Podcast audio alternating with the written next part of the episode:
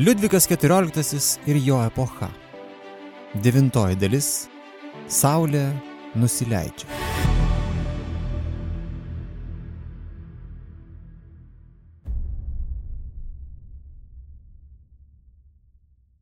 Tūkstantis 715 m. birželį Liudviko mėgstamame Šato Marly vyko šventė, į kurią karalius sukvietė 107 svečius. Pirmosios vakarienės metu viskas vyko kaip įprasta. Jo didinybė buvo linksmai nusiteikęs, tik tai žirnių ir braškių suvalgė per daug. Jis vis dar buvo nenuilstantis šeimininkas, neleidžiantis nuobodžiauti savo svečiam. Liudvikas privertė kunigaikštienę Deberį nusimesti gedulo dėl vyro ir vadovauti lošimui didžiajame salone. Liudvikas ir toliau tęsė savo karališkas pareigas ir malonumus. Rengė tarybas, dalyvavo skulptūrų iš Romos pastatymo sode ceremonijoje, medžiojo ir vyko į savo karališkojo pulko apžiūras. Tiesa, rūpiučio trečiąją per vieną iš šių apžiūrų karaliui pakilo temperatūra ir prireikė šiltesnio apsiausto. Po to paaiškėjo, kad lyga rimtesnė. Rūpjūtį, jau grįžus į Versalį, jo didinybė atrodė lygotas ir ėjo į savo kambarį kentėdamas didelius skausmus bei pasiremdamas lasda užrašė Lordas Steiras. Kitą dieną per vakarienę visi pastebėjo, kad karalius silpnas, kad jis beveik nieko nevalgo ir kalba sutrikusiu balsu. Ir netrukus karalius nebegalėjo ir paiti. Jį reikėjo nešti krėslę arba stumti vežimėlį. Rūpiučio 14-ąją skambant šūksnėms te gyvoja karalius Liudvikas dalyvavo mišiose karališkoje koplyčioje. Minė galerijoje buvo tokia didelė, kad karališkai procesijai sunkiai sekėsi prasiskinti kelią. Rūpiučio 16 jis primė ambasadorius, 19 klausėsi muzikos su Madame Maitenon ir jos draugėmis, bet Madame dienoraštyje užrašė, kad Liudviko būklė yra tokia, kad ji nebegalinti nei valgyti, nei miegoti.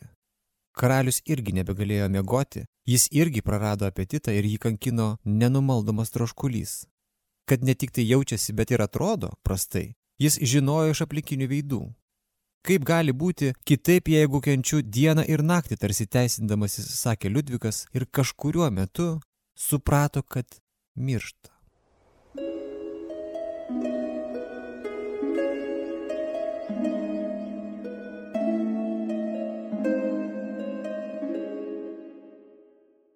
Rūpiučio 24-ąją Liudvikas prisipažino savo nuodėmklausiui Pierui Latelje, kad nebejaučia kojos, kuri nuo gangrenos ėmė juoduoti. Gangrena, kuri kaip manoma buvo cukrinio diabeto komplikacija, buvo ženklas, kad viskas šį kartą tikrai rimta. Paryžiuje pasklidus žiniai apie karaliaus negalavimą, bažnyčios prisipildė besimeldžiančių už jos veikatą, o Versalyje jo didinybė nebeišeidavo iš savo mėgamojo. Pagrindiniai jo lankytojai paskutinėmis dienomis buvo ką tik paminėtas nuodėmklausys Pieras Latelie ir Madame Maintenon. Beveik nematoma figūra kampe prie karaliaus lovos, mieganti ir besimeldžianti kambaryje šalia. Prieš kambaryje įsitaisė tarnai ir gydytojai, o karališkoji galerija tomis dienomis buvo pripildyta dvariškių. Žmonių pilna, nuo šiol buvo visose rūmų kiemuose ir aplinkinėse gatvėse. Versalis be jokios atskiros komandos visutinai perėjo į iškilmingo ir pagarbaus laukimo būseną. Niekam nieko nereikėjo sakyti.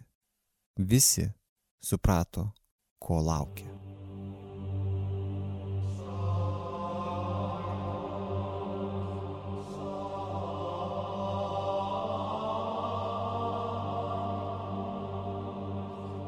Rūpiučio 26-ąją Liudvikas paprašė atvesti Dofiną.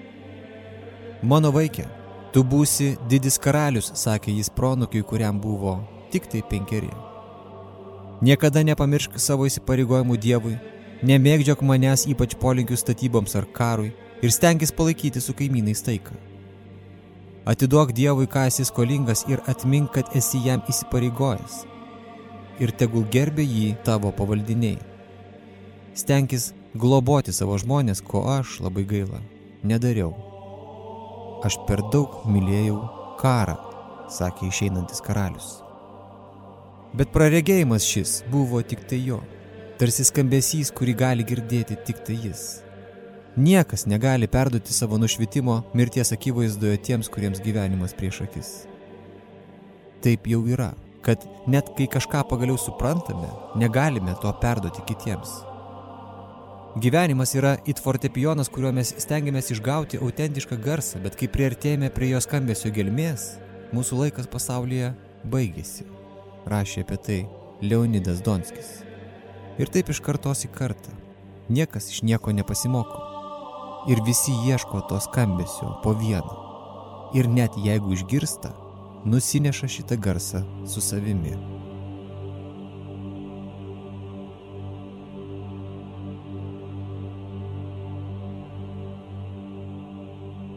Norėčiau, kad būčiau klausęs išmintingų žmonių patarimų, o ne savo ambicijų, sakė karaliumi išminčiumi laikomas Saliamonas, bet ateities kartų karaliai lygiai taip pat klausys savų ambicijų. O kai supras, kad reikėjo klausyti ir širdies, perduoti to negalės. Toks yra dėsnis. Mes negalime pasimokyti iš anksčiau gyvenusiųjų ir todėl istorija niekada neteikia ir niekada negali teikti vilties. Aš noriu, kad mane prisimintų ne dėl mano pergalių, bet dėl mano nusivylimų, sakė Napoleonas Bonapartas gyvenimo pabaigoje, tikėdamasis, kad iš jo klaidų kažkas pasimokys. Bet jo noras neįgyvendinamas. Žmonės prisimena jį kaip didį strategą, lyderį ir karvedį. Per nelik didelės ambicijos jį pražudė, bet kaip tik už jas jis ir yra vertinamas. Ir dauguma atiduotų viską, kad galėtų pakartoti viską, dėl ko Napoleonas gailėjosi. Prieš keletą metų iki Liudviko išėjimo 1707-aisiais toli rytuose mirė didis Mogolų imperijos valdovas Alamgyras. Tikrasis jo vardas buvo kitas, bet jis pasivadino Alamgyru, nes toks vardas atitiko jo valdymą, jis reiškia pasaulio užkariautoją. Kaip ir Liudvikas, Alamgyras kariavo ko ne visą savo gyvenimą. Karas su kaimininė Šivai karalystė truko net ketvirtį amžiaus ir po pergalės Alamgyras valdė daugiau Indijos teritorijos nei bet kas kitas iki tol bet jis negalėjo sustoti. Alamgyro karo kompanijos buvo neregėto masto. Pavyzdžiui, 1695-aisiais jo karo stovykla buvo tarsi judanti sostinė apimanti 30 mylių spindulio plotą, kuriame buvo 60 tūkstančių kavalerijos, 100 tūkstančių pėstininkų, 50 tūkstančių kupranugarių, 3 tūkstančiai dramblių, veikė 25 tūkstančiai turgavečių ir iš viso buvo apie pusę milijono žmonių.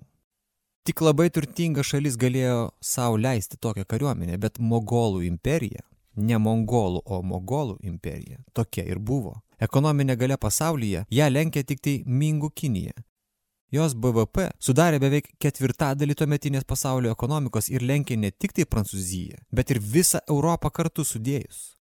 Alamgyro imperijos metinės pajamos buvo didesnės už Liudviko daugiau nei dešimt kartų ir paaiškinimas tam labai paprastas. Mogolų imperija driekėsi 4 milijonus kvadratinių kilometrų, kuriuose gyveno apie 160 milijonų žmonių, beveik ketvirtadalis tuometinės viso pasaulio populacijos. Didžiulės pajamas jie nešė tuo metu prasidėjusi kaliko manija, iki tol tik Vilna ir Lina žinojo europiečiai, ėjo iš proto dėl indiškos tekstilės. 17 amžiaus pabaigoje Europa mokėsi naujų žodžių – hinsas, pižama, haki, tafeta, bandana. Vien tik tai 1684 metais Rytų Indijos kompanija atgabeno į Europą beveik 2 milijonus indiško audinio dirbinių.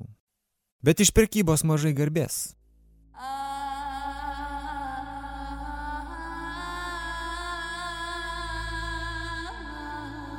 Didysis Alamgyro karas truko 26 metus ir kasmet nusineždavo šimtus tūkstančių gyvybių. Pusės milijono dydžio Alamgyro karo stovykla suvartodavo viską, kur sustodavo, palikdama po savęs badą ir epidemijas. Ir galiausiai net pats Alamgyras ėmė stebėtis, kam visa tai. Atėjau vienas ir išeinu kaip svetimas, nežinodamas nei kas aš esu, nei ką čia darau, sakė jis prieš mirtį savo sūnų. Alamgyras prisipažino, kad nesugebėjo mąstyti ir valdyti valstybiškai ir savo sunums davė keistą patarimą. Niekada nepasitikėkite savo sunumis ir niekada nebūkite su jais pernelyg artimi. Po manęs chaosas, viso gero, viso gero, viso gero. Tokie buvo paskutinieji jo žodžiai. Tik tik kažin ar tą atsisveikinimo akimirką jis prisiminė, kad pats valdovu tapo užmuždamas tris brolius ir įkalindamas savo paties tėvą. Alamgyras mirė 1707 m. kovo 3 sulaukęs 88 ir turėdamas su savimi tik 300 tai rūpijų, kurias paprašė išdalinti vargšams. Jis taip pat paprašė neišlaidauti laidotuvėms ir palaidoti jį kuklėme kape. Imperiją jis paliko sūnui Azamui, bet šį nužudė jo brolis Muazamas ir nuo jos, tai yra nuo imperijos. Viena po kitos ėmė atskilinėti musulmoniškos valstybės, ją užpuolė Persija ir nepraeis ne šimtmetis ir Mogolų imperijos neliks. Alamgyro valdymas buvo tos imperijos apogėjus, bet tuo pačiu ir jos nuosmukio pradžia. Nesibaigiantis karai išsekino vieną turtingiausių pasaulio valstybių ir jos kaimynės tuo pasinaudos.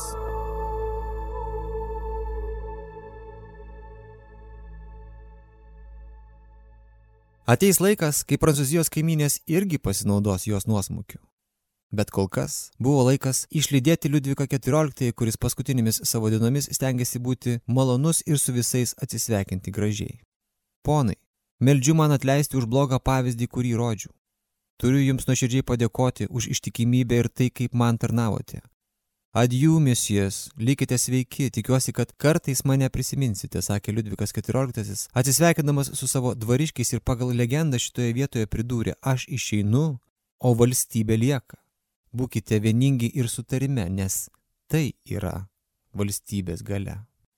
Kas bus su jumis, madam, kreipėsi Liudvikas į savo žmoną Maintenon. Jūsgi nieko neturite. Aš esu niekas. Galvokite tik tai apie Dievą, atsakė ši. Maniau, kad tai bus sunkiau, pasakė Liudvikas, turėdamas omenyje mirties pasitikimą. Užtikrinu jūs, kad tai nėra labai baisus reikalas, atrodo netgi visai nesunkus, ramino žmona jis. Sprendimas priimti mirtį sunkus tik tai tada, kai žmogus yra prisirišęs prie žmonių, kai jo širdyje neapykanta arba yra negražintų skolų filosofiškai atsakė madam, o Liudvikas su ja sutiko.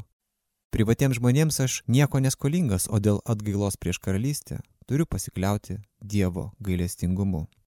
Judviejų atsisveikinimo pokalbis įvyko rūpiučio 28. Ko verkite? Ar manėte, kad esu nemirtingas, atsisuko Liudvikas į du savo tarnus kitą dieną. Ta diena, nepaisant gydytojų prieštaravimo, jis išgėrė gyvybės eliksyro, arba bent jau taip stebuklingą gėrimą vadino iš Marselio jį atvežęs šarlatanas vardu Brūnas. Karalius kiek atsigavo, bet tik tai trumpam. Rūpiučio 30-ąją Liudvikas ėmė praradinėti sąmonę, o jo koja tapo juoda kaip anglis iki pat kelio. Pusę 11-osios vakaro jis dar galėjo mechaniškai sukalbėti poterius kartodamas juos paskui kunigą ir dar spėjo paprašyti Dievo leisti jam kentėti tiek, kiek aukščiausiasis pageidaus.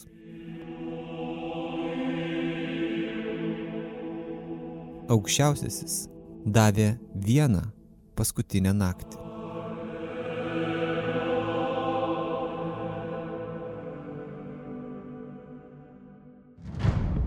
Pilną šios serijos versiją, kaip ir visą kanalo turinį, klausykite tapę Roberto Petrausko Substack kanalo prenumeratoriumi. Ačiū visiems ir visoms, kurie mus klauso ir remia.